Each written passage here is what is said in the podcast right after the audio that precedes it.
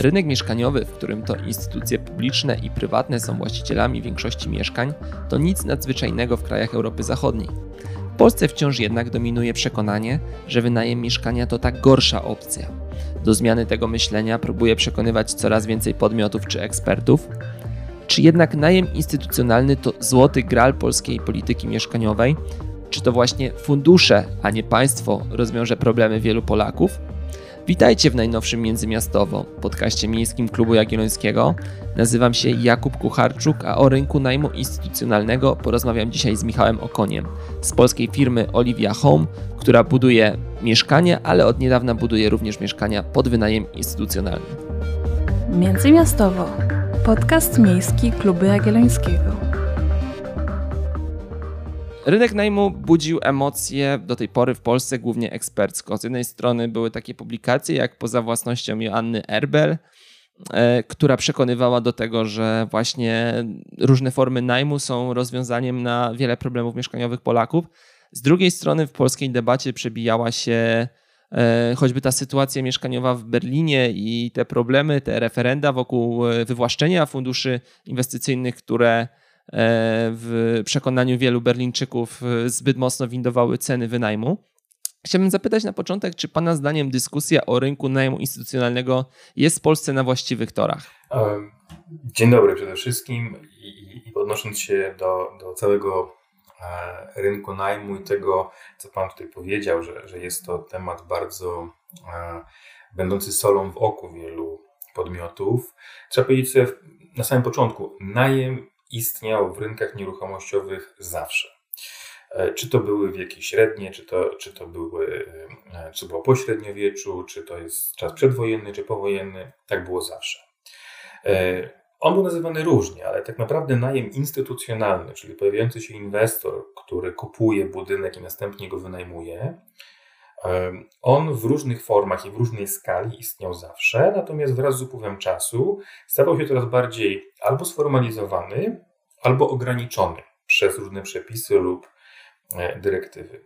My na dzień dzisiejszy mamy, no, Polska jako, jako, jako element Unii Europejskiej, mamy e, nurt prawny odrobinę narzucony przez e, Unię Europejską i jej agendę.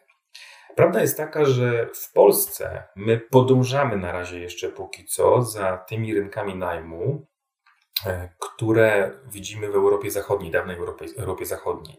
E, najbliżej nam jest do modelu niemieckiego, trochę dalej do modelu francuskiego na przykład, czy holenderskiego, a już najdalej do, do modeli szwedzkich.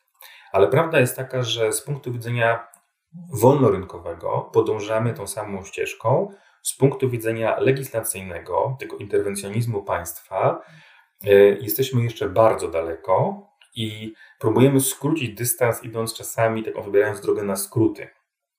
E, jeżeli Pan mnie zapyta, czy, czy faktycznie to jest dobra droga i czy e, te tory są dobre, to powiedziałbym, czas pokaże, ponieważ my naraz się borykamy z wieloma problemami. Po pierwsze, mamy wchodzących dużych inwestorów, którzy są szokiem dla niektórych graczy rynkowych.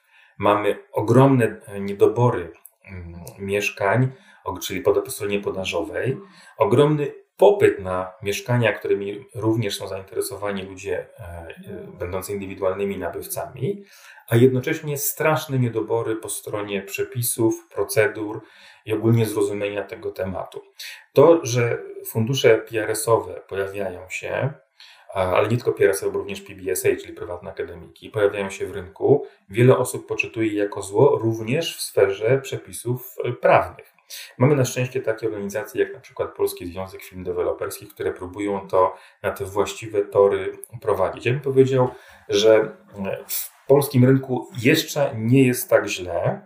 Czasami oczywiście przyspieszone bicie serca powodują newsy pod tytułem zabrońmy e, budowania PRS-ów czy sprzedawania do funduszy PRS-owych e, deweloperom, ale takie newsy są szybko weryfikowane bądź to przez rynek, bądź potem przez logicznie myślących ludzi, którzy jednak siedzą i myślą o tym, jakie to prawo w Polsce wprowadzić. Myślę, że to się będzie też jeszcze działo przez najbliższe parę lat, ale najbliższa dekada to będzie moment, kiedy te PRS-y naprawdę powinny się już porządnie zakorzenić w polskim rynku i w polskim krajobrazie rynku nieruchomościowego.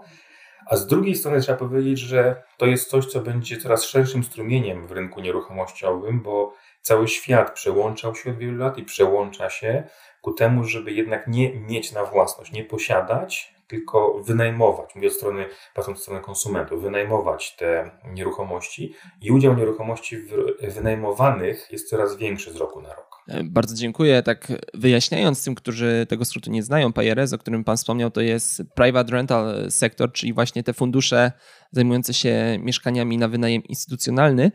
Pozostając jeszcze jakby w tej wstępnej części naszej rozmowy, mm, chciałbym Pana prosić o to, co pewnie nie będzie dla jakby wszystkich nowością, ale wydaje mi się, że takie osoby też nas słuchają, wyjaśnić, czym ten najem instytucjonalny różni się od tego takiego prywatnego, okazjonalnego, który dla większości Polaków, choćby na przykład tych studiujących, był czymś powszechnym, tak? E, I wciąż jest jednak e, zdecydowanie dominujący na polskim rynku mieszkaniowym taki najem, gdzie podpisuje się umowę na kilka miesięcy, czy to na rok, wynajmuje się pokój lub całe mieszkanie.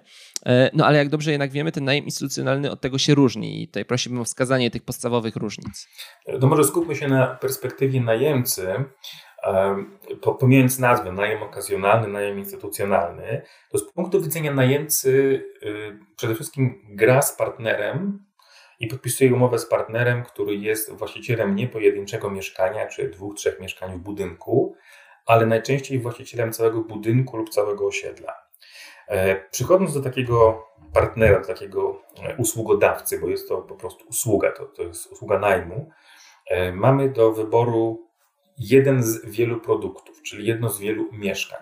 I e, partner instytucjonalny, taki fundusz PRS-owy, który jest właścicielem na przykład całego budynku, może nam zaoferować dzisiaj mieszkanie jednopokojowe, ale jeśli za pół roku czy za rok zmieni się mój status i będę potrzebował mieszkania dwupokojowego, to w ramach tego samego obiektu może mnie przenieść do innego e, lokalu w swoim zasobie, e, a za kolejny rok do trzech pokoi, tudzież ewentualnie dorzucić mi kolejne miejsce parkingowe i tak dalej, i tak dalej. Różnice, czy właściwie zalety, które wynikają z najmu instytucjonalnego versus najem okazjonalny, to jest przede wszystkim inny rodzaj partnera. Po drugiej stronie nie mamy osoby fizycznej, czy też małego inwestora, który posiada jedno, dwa mieszkania, ale mamy dużą instytucję, która ma uregulowane ustawowo e, swoje obowiązki, prawa e, i tą relację, którą z nami, e, w którą wchodzi z nami, jak ona ma wyglądać. My jesteśmy chronieni, do pewnego momentu. Do pewnego momentu oczywiście jest również chroniony e, sam fundusz. Jedną z takich głównych różnic jest chociażby to, że w najmie okazjonalnym musimy podpisać umowę tak, z wynajmującym, natomiast my jako najemca musimy złożyć oświadczenie w formie aktu notarialnego, które ma zabezpieczyć właściciela lokalu na przyszłość przed naszą ewentualną niewyprowadzką się po zakończeniu najmu. W przypadku najmu instytucjonalnego jest inne, prostsze rozwiązanie, które zabezpiecza również e, obie strony w bardzo skuteczny sposób. Jeżeli chodzi ogólnie o najem instytucjonalny, to poza oczywistymi e, prawnymi zaletami tego najmu, mamy jeszcze, najmy, e, mamy jeszcze zalety wynikające z tego, że sam najem i praca z dużym partnerem pozwala nam na większą elastyczność i więcej wyciągnięcie więcej korzyści z tego najmu. To są odpowiednie służby, które są w budynkach, tak zwany facility management, coś się zepsuje i tak dalej. To dzieje się wszystko szybciej, to dzieje się wszystko taniej. Sam najem jest bardziej przewidywalny również, jeżeli chodzi o czynsze, bo kwestia wzrostu czynszów z miesiąca na miesiąc, z kwartału na kwartał czy z roku na rok jest inaczej regulowana. E, jest jeszcze jeden aspekt, który rzadko się o tym mówi akurat, ale większość PR-owych funduszy to są fundusze, które albo mają swoje źródła kapitału poza Polską i w tym również z kapitałem przychodzą pewne standardy pracy, albo są modelami skopiowanymi z, z zagranicy, głównie z Niemiec. I wraz z tym przychodzi pewna kultura pracy e, tych funduszy. One obsługują klientów i mają inne podejście do klientów, którzy przynoszą im pieniądze co miesiąc, niż w przypadku najmu okazjonalnego, gdzie mamy po drugiej stronie tak zwanego Kowalskiego, który uczy się na własnych błędach tego najmu i jest dużo mniejszym podmiotem o dużo mniejszej sile w rynku. Także można powiedzieć, najem instytucjonalny to w porównaniu do najmu okazjonalnego dużo więcej zalet dla samego najemcy. Oczywiście wynajmujący jako podmiot, który jest dawcą tego najmu, najmu instytucjonalnego, również ma ustawowo nadane e, wiele różnych zalet i w porównaniu najmu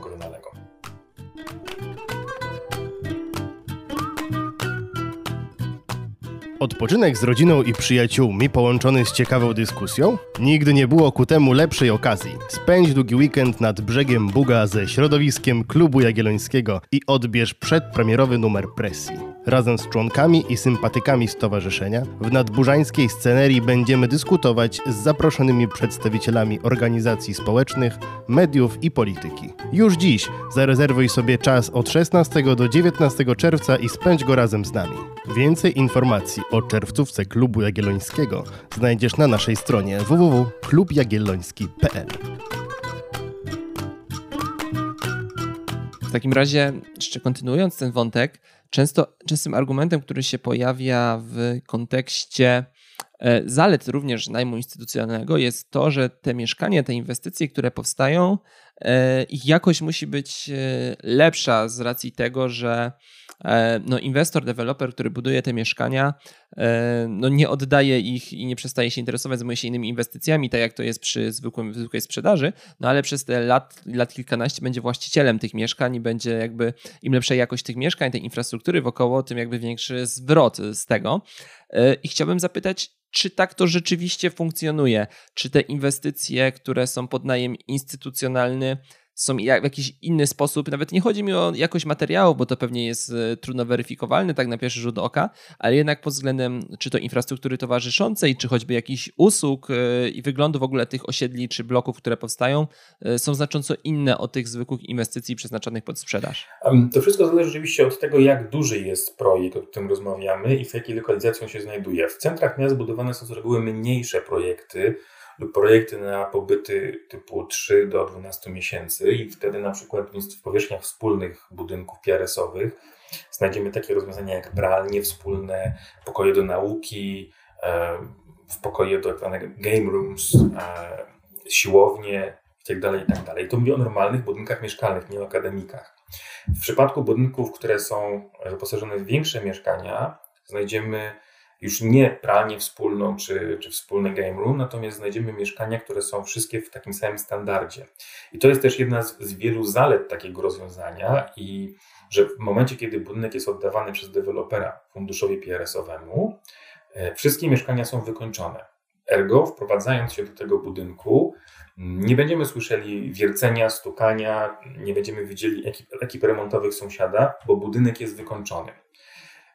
Jeżeli będziemy w sytuacji, o której mówiłem przed chwileczką, czyli e, dziś wynajmuję mieszkanie studio, a za rok potrzebuję dwupokojowe, to przeprowadzając się w ramach tego samego budynku czy osiedla do innego mieszkania, które należy do tego samego e, funduszu PRS-owego, będę miał ten sam standard. Prawdopodobnie będę miał tą samą lodówkę tej samej marki, piekarnik, e, stół, łóżko i tak dalej będą takie same, więc tutaj będę wchodził tak jak podróżujemy między restauracjami McDonalda, wchodzimy do nich, zawsze oczekujemy tego samego. Tak samo jest tutaj. Ten standard jest bardzo porównywalny, a niejednokrotnie jest dokładnie taki sam. Czasem jest również taki sam standard, jeżeli zmienimy lokalizację w ramach tego samego PRS-owego funduszu, więc e, ta różnica e, nie jest tak duża przy przechodzeniu pomiędzy poszczególnymi mieszkaniami, jak w przypadku e, mieszkań, które są w najmie okazjonalnym lub ewentualnie mieszkań, które są normalnie w budynkach nieobjętych żadnym e, najmem, ani okazjonalnym, ani instytucjonalnym. Jest też jeszcze jedna różnica, jeżeli chodzi o całe osiedla, tudzież nie całe projekty, te powierzchnie wspólne i to, co jest e, w ogóle w strukturze budynku. Takie budynki pod PRS robione to są budynki, które Niejednokrotnie są sprzedawane na tzw. Tak VAT-ie 23%, czyli one troszkę bardziej przypominają obiekty z punktu widzenia prawa, obiekty hotelowe lub parahotelowe i w, mają strukturę obiektu inną, na przykład są same mieszkania jedno- i dwupokojowe, albo mieszkania, które są bez balkonów, albo e, mieszkania, które e, mają konkretne układy, które w, w normalnym budynku mieszkalnym, rezydencjonalnym na VAT-ie 8% by nie powstały.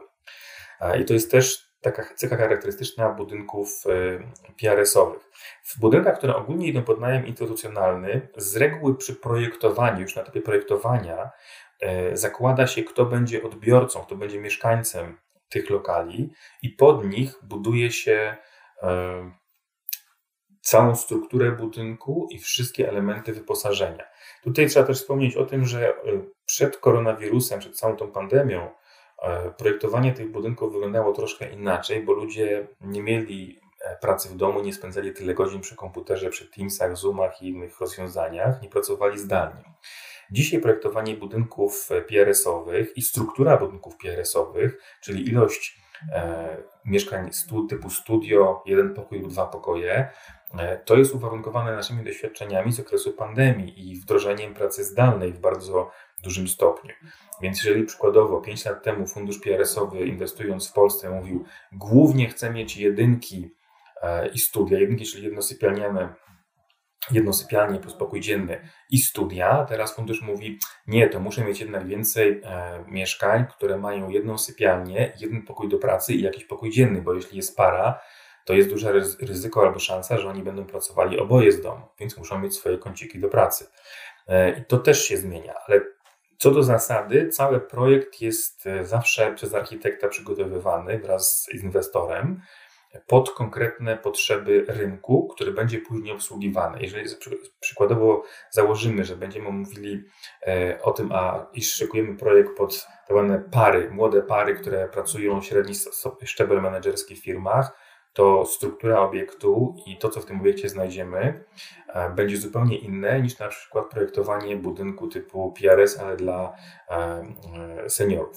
A takie budynki PRS-owe też już coraz częściej zaczynają się pojawiać to w rozmowach i, i jako zapotrzebowanie ze strony funduszu. To jest kwestia czasami e, bądź to ładowarek samochodowych, bądź rowerów, bądź jakichś e, sportowych obiektów na terenie, małej, architektury wokoło budynków, e, a czasami po prostu tego, co się dzieje na parterach, czyli na przykład czy są sklepy, czy są kawiarnie. Z tej perspektywy mikro, czyli poszczególnych inwestycji, chciałbym przejść na chwilę tylko do tej perspektywy makro, czyli porozmawiać o tym, jak to w tym momencie Polsce wygląda, patrząc jakby na udziały w rynku, czy jakby ważność poszczególnych sektorów w tym rynku mieszkaniowym. Mm, no bo doskonale wiemy, że te fundusze zaczęły się pojawiać raczej w ostatnich latach tak na masową skalę. Pojawiły się w Polsce duże zagraniczne fundusze, które inwestycje, znaczy mieszkal, mieszkalnictwo najem instytucjonalny realizują już od lat z powodzeniem na zachodzie. E, w Polsce zaczęły tworzyć swoje inwestycje. Są również takie firmy, jak choćby Olivia Home, które z polskim kapitałem również weszły w ten sektor i, i chcą w nim jakby uczestniczyć i tworzyć kolejne inwestycje. Ale jaka jest skala w tym momencie? O czym my mówimy? Czy to wciąż jest jednak mm, coś e, mikro przy dużych inwestycjach i pod sprzedaż, czy to jest już znaczący kawałek tortu? Ciągle to jest poniżej 10% całego rynku nieruchomościowego i to trzeba sobie powiedzieć wprost. Dynamika wzrostu e, tych PRS-ów w rynku jest spora, bo jest to praktycznie podwajanie się co roku, e, ale też są temu konkretne powody. Mianowicie mm, powiedzieliśmy, już Pan też takiego sformułowania, weszli gracze PRS-owi na nasz rynek. Tak oni weszli, bo mówimy generalnie o graczach PRS-owych, o podmiotach głównie z Europy Zachodniej. Dlaczego oni weszli do Polski? Dlatego, że mając bardzo niski koszt kapitału, na przykład Niemcy, gdzie, gdzie ten koszt kapitału między 4 a 5% to jest już wysoki po tamtej stronie, otrzymywali bardzo wysokie stopy zwrotu w Polsce. Stopy, które były niejednokrotnie 5 do 7 razy wyższe niż to, co mogli na swoich rodzimych rynkach uzyskać. Jeżeli przykładowo fundusz PRS-owy z Francji był w stanie e, niecałe 2% rocznie zarabiać na swojej inwestycji PRS-owej we Francji, przyjeżdżał do Polski i na przykład zarabiał 7-8% na takiej samej inwestycji przy takim samym nakładzie wydatku kapitału.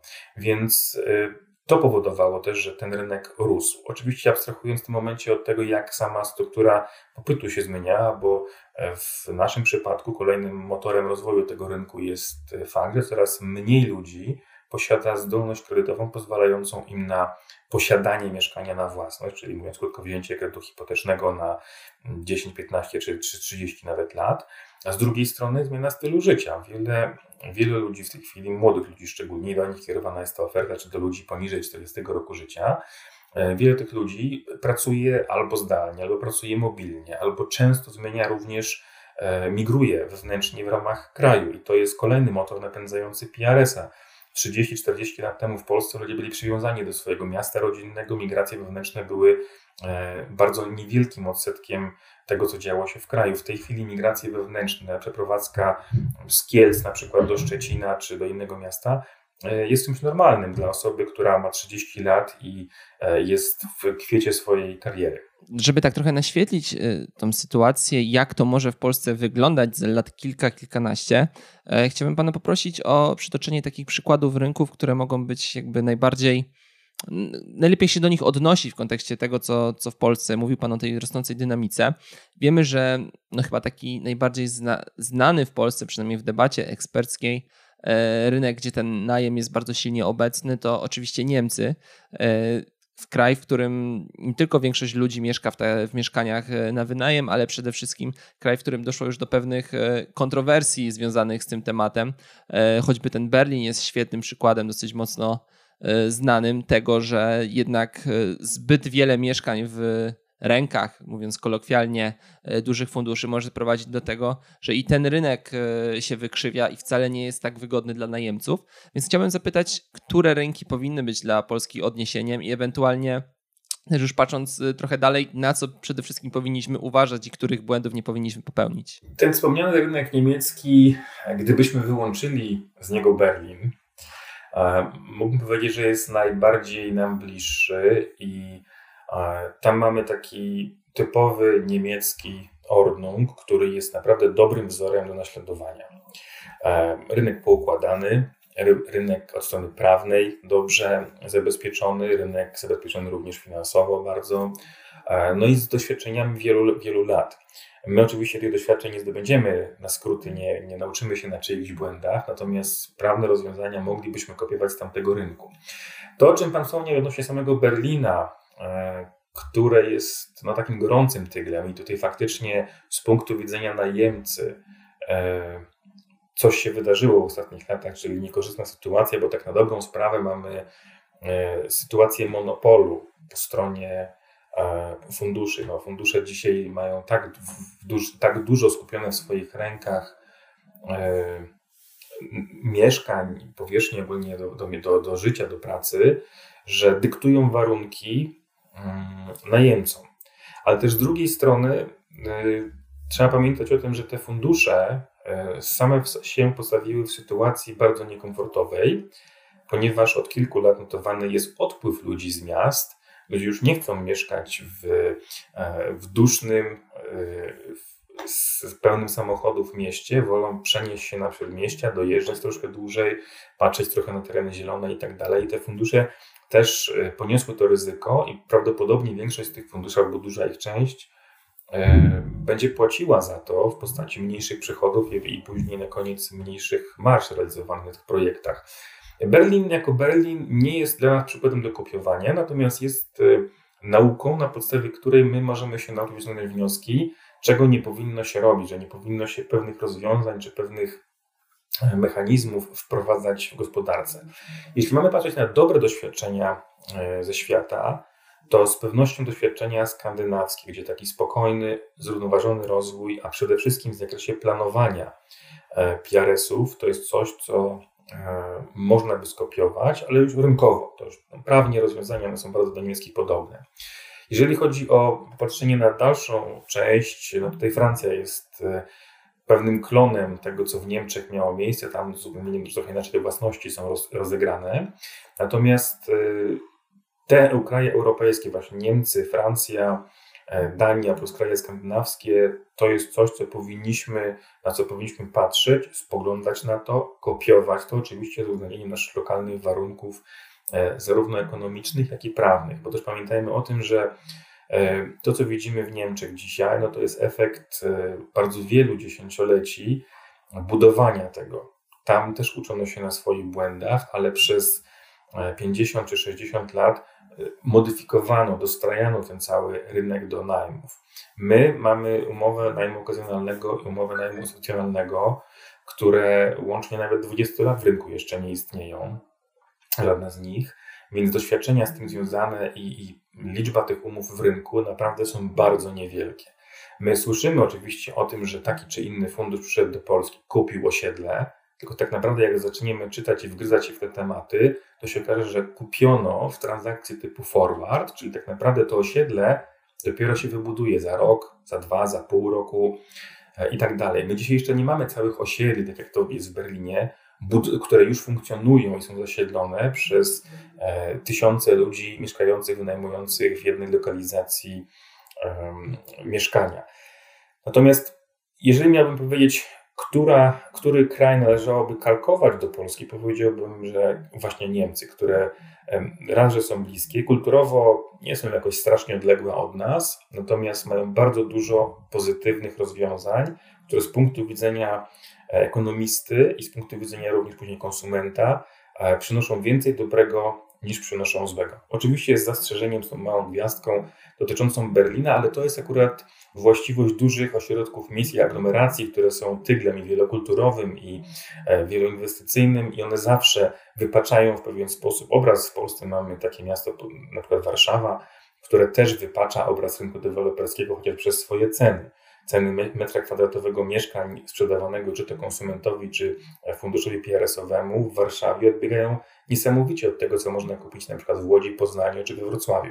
W takim razie kończąc powoli ten wątek, co możemy zrobić, żeby tej sytuacji Berlina uniknąć, czy to w Warszawie, Krakowie, czy właśnie innym dużym polskim mieście. Pytam bardziej o jakie pewnie rozwiązania prawne, tak, e, niż raczej zmiany nawyków, bo pewnie bez e, legislacyjnych rozwiązań tego to nie jest nie do rozwiązania, co pokazuje przykład Berlina. Tak, ja myślę, że zmiany legislacyjne i ogólnie koncentrowanie się na ścieżce legislacyjnej to jest chyba najważniejszy element tego całego procesu, żeby, żeby najem instytucjonalny E, znalazł swoje właściwe miejsce w skali całej gospodarki i również w ludzkich głowach, ale mówiąc o ścieżce legislacyjnej, mam, nie mam na myśli tylko samego rozwiązania pod tytułem wprowadzenie e, ustawy o najmie instytucjonalnym. To jest kwestia również przepisów podatkowych, to jest kwestia przepisów księgowych które notabene akurat dla najmu instytucjonalnego zmieniły się dość niedawno, bo to było bodajże rok czy półtora roku temu,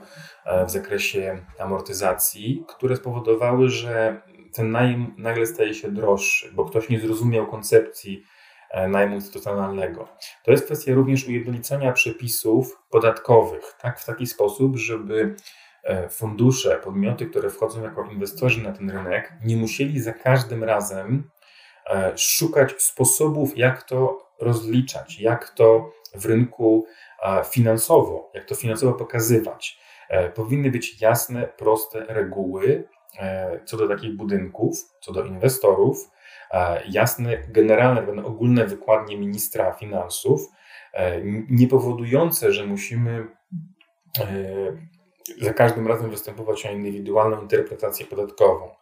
Ale też ścieżka legislacyjna to jest e, ścieżka, która sięga dużo dalej niż sama ustawa o najmie instytucjonalnym, bo jest to kwestia prawa budowlanego przykładowo, e, prawa dotyczącego podatków lokalnych, e, podatków gruntowych itd., tak itd., tak które my mamy te przepisy jeszcze niejednokrotnie zaczerpnięte, sięgające, sięgające korzeniami do okresu PRL-u przed, przed 1989 rokiem które czasami powodują, że nie ma w nich logiki w odniesieniu do nowych przepisów. Inwestor wchodzi na działkę, zaczyna ją remontować, czyli formalnie zburza budynek, ale płaci podatek od tego budynku, którego już nie ma na przykład, albo budynku, który nie ma pozwolenia na użytkowanie. Dlaczego? No bo przepisy nie mówią nagle, że jak miałem budynek, a go wyburzę, to przestaję płacić podatek. Więc takich przepisów jest sporo. One wpływają również na to, że ta branża ma wiele jeszcze nieznanych ryzyk, które my dopiero odkrywamy. I odkrywamy te relacje tych malutkich wszystkich przepisów w stosunku do ustawy, która pojawiła się, brzmi dumnie, najem instytucjonalny. I Niemcy mieli już czas na to, żeby to rozpracować. My uczymy się tego i my szukamy jeszcze właśnie, w których miejscach ten impact tej ustawy się pojawi. Myślę, że przyszłość to jest właśnie dokładne poświęcenie się na tym, temu, żeby te ustawy wprowadzać, ale zanim one będą wprowadzone i zanim one faktycznie staną się prawem obowiązującym, ścieżka legislacyjna powinna być dużo bardziej e, precyzyjna i powinna włączać wiele różnych środowisk i patrzeć, jak w tych środowiskach to będzie miało jaki będzie miało wpływ na, e, na, na, poszczególne prace, poszczególne koszty, a również koszty finansowe. Dobrym przykładem tutaj jest kolejna iteracja ustawy deweloperskiej, też z tego samego rynku, która nie była wprowadzona na przysłowiowe łapu capu, była dość długo zapowiadana, szeroko konsultowana była w rynku. Abstrahując od tego, czy rozwiązania, które tam są wprowadzone są fajne, bo oczywiście deweloperzy powiedzą wszyscy, że są niefajne, bo podnoszą koszty. Natomiast sam sposób wprowadzania tego i czas, w jakim to było wprowadzone, liczba konsultacji, jest tą właściwą ścieżką, bo bliski tej właściwej ścieżki i pokazuje, że wszyscy mieli czas na sprawdzenie implikacji danej ustawy i jej przepisów na poszczególne aspekty prowadzenia działalności gospodarczej. Myślę, że tutaj potrzebujemy dokładnie tego samego spokoju w prowadzeniu kolejnych rozwiązań. I zanim kolejna iteracja ustawy o najmie instytucjonalnym, tudzież ewentualnie przepisów z nią powiązanych się pojawi, powinniśmy w ten sam sposób konsultować to, ćwiczyć to, zanim będziemy to wprowadzali do pracy na żywym organizmie. W takim razie kończąc ten wątek makro, wróćmy z powrotem do tej skali mikro. Chciałem porozmawiać trochę o firmie, którą Pan reprezentuje, która od, już od jakiegoś czasu weszła właśnie w ten e, rynek najmu instytucjonalnego. Olivia Home, z tego co wiem, jeżeli się mylę, proszę mi poprawić, e, rozpoczęła jakby wejście w ten rynek od budowy pojedynczych budynków e, w, w Gdańsku, okolicach Gdańska, które są przeznaczone właśnie pod najem instytucjonalny. Chciałbym zapytać, w jaki sposób e, polski deweloper, który do tej pory budował czy to inwestycje duże biurowe, czy, czy mieszkaniowe, e, odnajduje się na tym, e, na tym rynku całkiem jednak nowym, tworzącym się w Polsce. No i oczywiście chciałbym też zapytać o konkurencję, czyli jak polska firma może konkurować, w jaki sposób może konkurować z tymi największymi funduszami, które przez tą skalę działalności w zachodniej Europie i te lata działalności, oczywiście pewnie możliwości inwestycyjne mają dużo większe. No to e, zacznijmy może od tego wątku deweloperów. Żaden deweloper w Polsce 10 czy 20 lat temu nie miał doświadczenia i kompetencji we współpracy z e, funduszami PRS-owymi. E, więc wszyscy się tego uczą. Czy to jest deweloper młody, czy to jest deweloper z e, porządnymi strukturami, portfelem kilkuset projektów w kraju, po prostu musi tego się nauczyć. Powiedziałbym nawet więcej, że z moich rozmów i kontaktów branżowych wynika, że ci duzi deweloperzy to byli ci, którzy jako najpóźniejsi dołączyli do rozmów i do akceptowania tego, że będą mieli nabywców instytucjonalnych, którym mogą, którym mogą e, cały projekt w jednej transakcji sprzedać ci duzi bronili się. Dlaczego bronili się? Bo nie widzieli korzyści z e, takich transakcji, widzieli więcej problemów. Na koniec dnia okazuje się, że jest to odrobinę zmodyfikowany model biznesowy, ten niż sprzedaż do konsumenta. E, ma inne ryzyka, bo niektóre ryzyka są wyłączone, niektóre nowe się pojawiają oczywiście, e, ale na koniec dnia deweloper zarabia też pieniądze, też realizuje swoją marżę deweloperską, czasami taką samą, czasami większą, czasami mniejszą, ale jest to kolejny sposób na tak zwane wyjście z inwestycji, czyli zrealizowanie celu biznesowego. My też się tego uczymy. E, zespół, który, który Pan tutaj wspomniał, wbudował kilkaset tysięcy metrów biur, na przykład w Gdańsku, w, naszej, w ramach naszej grupy kapitałowej. Zespół, który Mamy tutaj zespół również, który ma budownictwa modułowe e, i moduły betonowe, z których możemy stworzyć czy to budynki wielorodzinne, czy też budynki jednorodzinne. I taki budynek na przykład mamy w Gdańsku, tutaj na Zaspie. E, I to budujemy. E, samo budowanie jako proces budowlany niewiele się tutaj różni. Oczywiście kwestia zaprojektowania tego, tego obiektu i tutaj czerpaliśmy z rozmów z funduszami zagranicznymi, z klientami zagranicznymi, którzy przychodzą i na, na, rozmowy wypracowują z nami konkretne rozwiązania, które ich interesują. I tutaj pojawia się zawsze taki dylemat, czy taki deweloper, który wybuduje budynek na wynajem, powinien go wynajmować, czyli mówiąc krótko, trzymać to aktywo w swoim majątku, czy też może powinien je sprzedać i czerpać e, zysk z tej transakcji w postaci zrealizowanej marży deweloperskiej na, na sprzedaży, czy tam przy sprzedaży.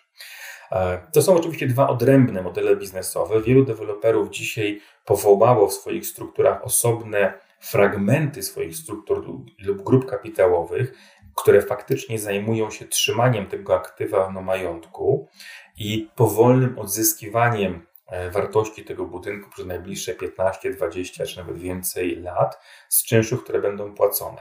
E, ale zaznaczam, to jest zupełnie inny model biznesowy niż model dewelopera. Inne ryzyka, kompletnie inne ryzyka, kompletnie inna struktura bilansu takiego dewelopera się pojawia. My się uczymy tego jako rynek cały, deweloperzy się uczą tego również w różnym tempie. W naszym przypadku e, nauka była akurat bardzo pożyteczna. Budynek, który wybudowaliśmy w technologii modułowej, czyli w technologii, którą e, budynek powstaje, stawia się budynek w ciągu kilku tygodni.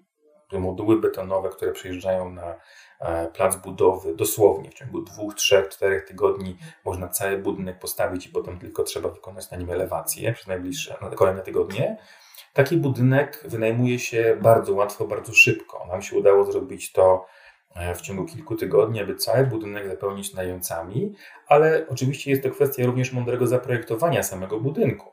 To jest e, budynek mieszkaniowy, w którym mamy mieszkania jedno, dwupokojowe, tylko kilka mieszkań trzypokojowych, ale na terenie budynku mamy właśnie to, o czym mówiłem, typu pralnie, wspólne pokoje, e, tarasy wspólne, e, zaznaczam tarasy, nie taras, tylko tarasy wspólne do spędzania wspólnego czasu, e, dogodne podjazdy, parkingi rowerowe, stacje ładowania i tak dalej. Więc w naszym przypadku nauka była na razie i jest na razie przyjemna.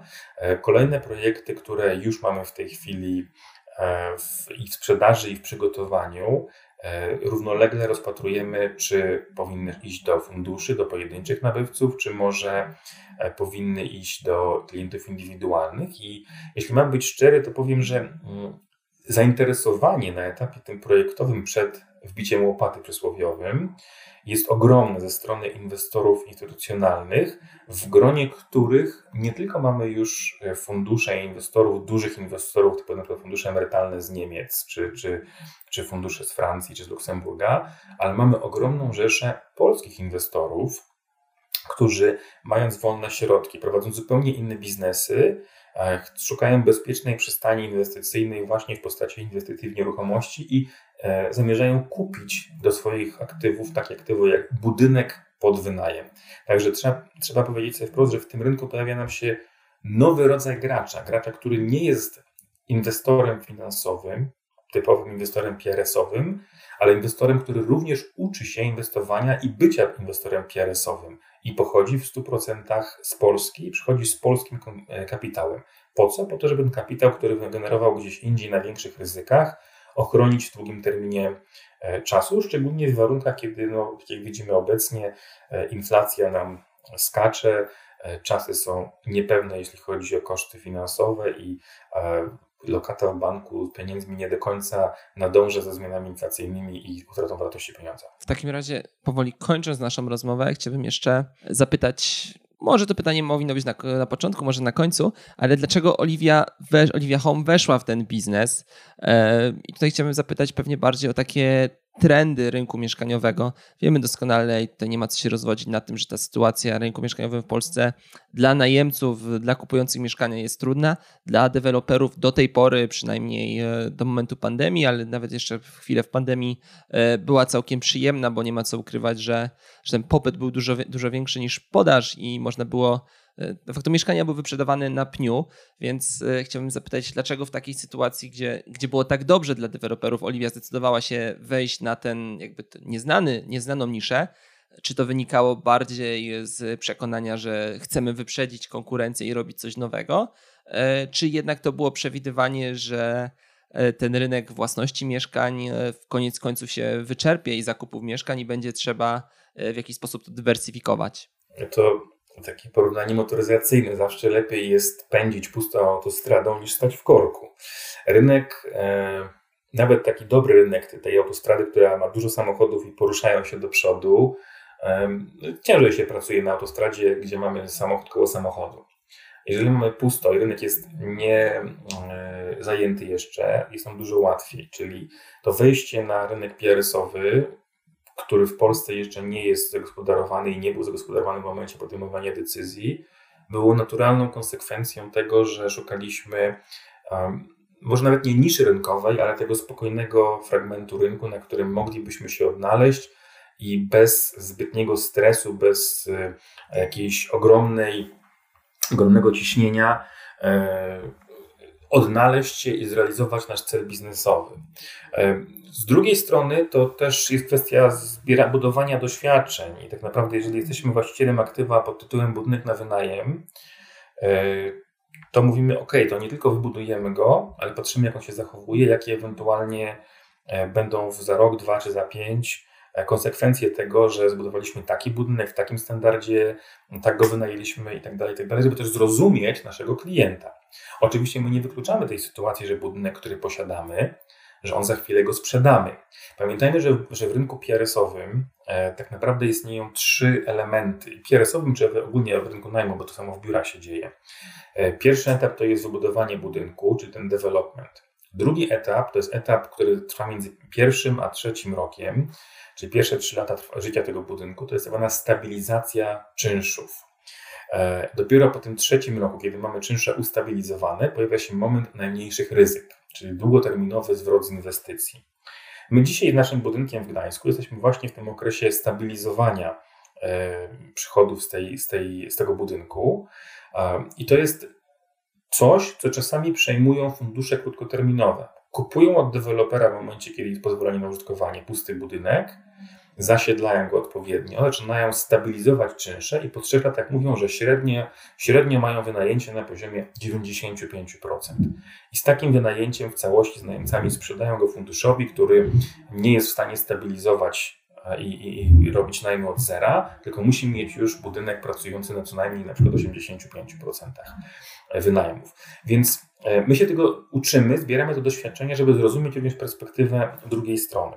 Oczywiście trzeba powiedzieć sobie też, że z naszych kontaktów biznesowych, które były związane z rynkiem biurowym, z inwestorami biurowymi, no łatwo było przełączyć się nam i porozmawiać z podmiotami, które również inwestowały chciały, lub chciały inwestować instytucjonalnie, tylko już nie w rynek biurowy, tylko w rynek mieszkaniowy. I to była naturalna konsekwencja, naturalna ścieżka rozwoju. Ale wcale to nie wyklucza tego, że i nie wyłącza tego, co my robimy cały czas, czyli tego, że kolejne projekty e, realizujemy dla klientów, dla konsumentów.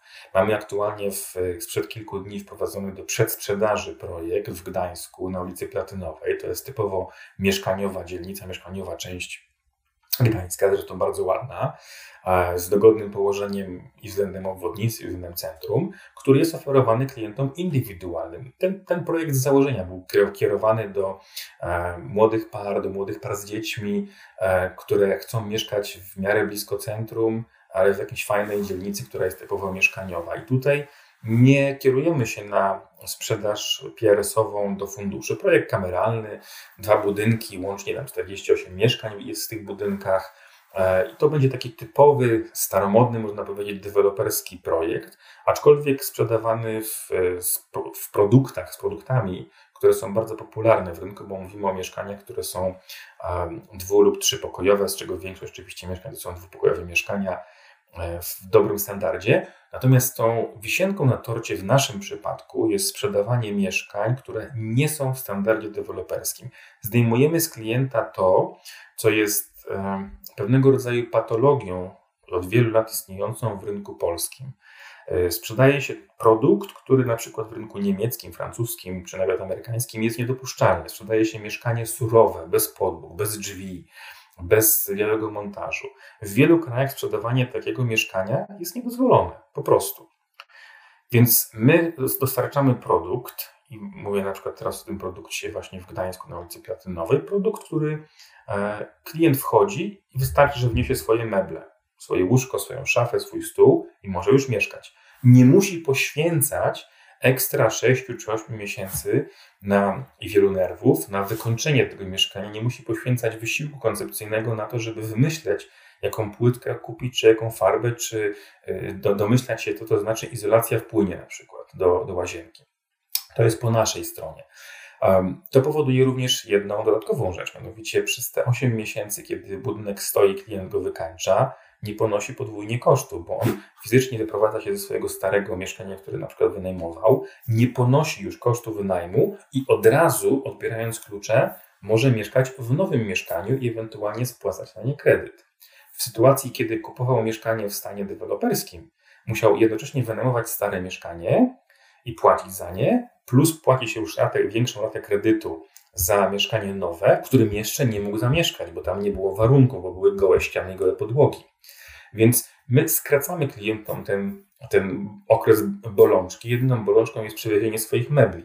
Natomiast reszta jest już po naszej stronie i klient dostaje e, większy komfort, większy spokój, mniejsze ryzyka, no i jednocześnie dostaje gwarancję, że sąsiad nie będzie mu przez najbliższe miesiące z każdej strony kół, stukał e, i, i, i brudził korytarzy czy, czy brudził balkonu pracami remontowymi w swoim mieszkaniu. To jest ta zaleta, więc my pracujemy w, każdej, w każdym segmencie rynku, nie wyłączamy oczywiście pracy z indywidualnymi inwestorami, którzy będą kupowali mieszkania, bo oni zawsze będą kupowali na najmy indywidualne.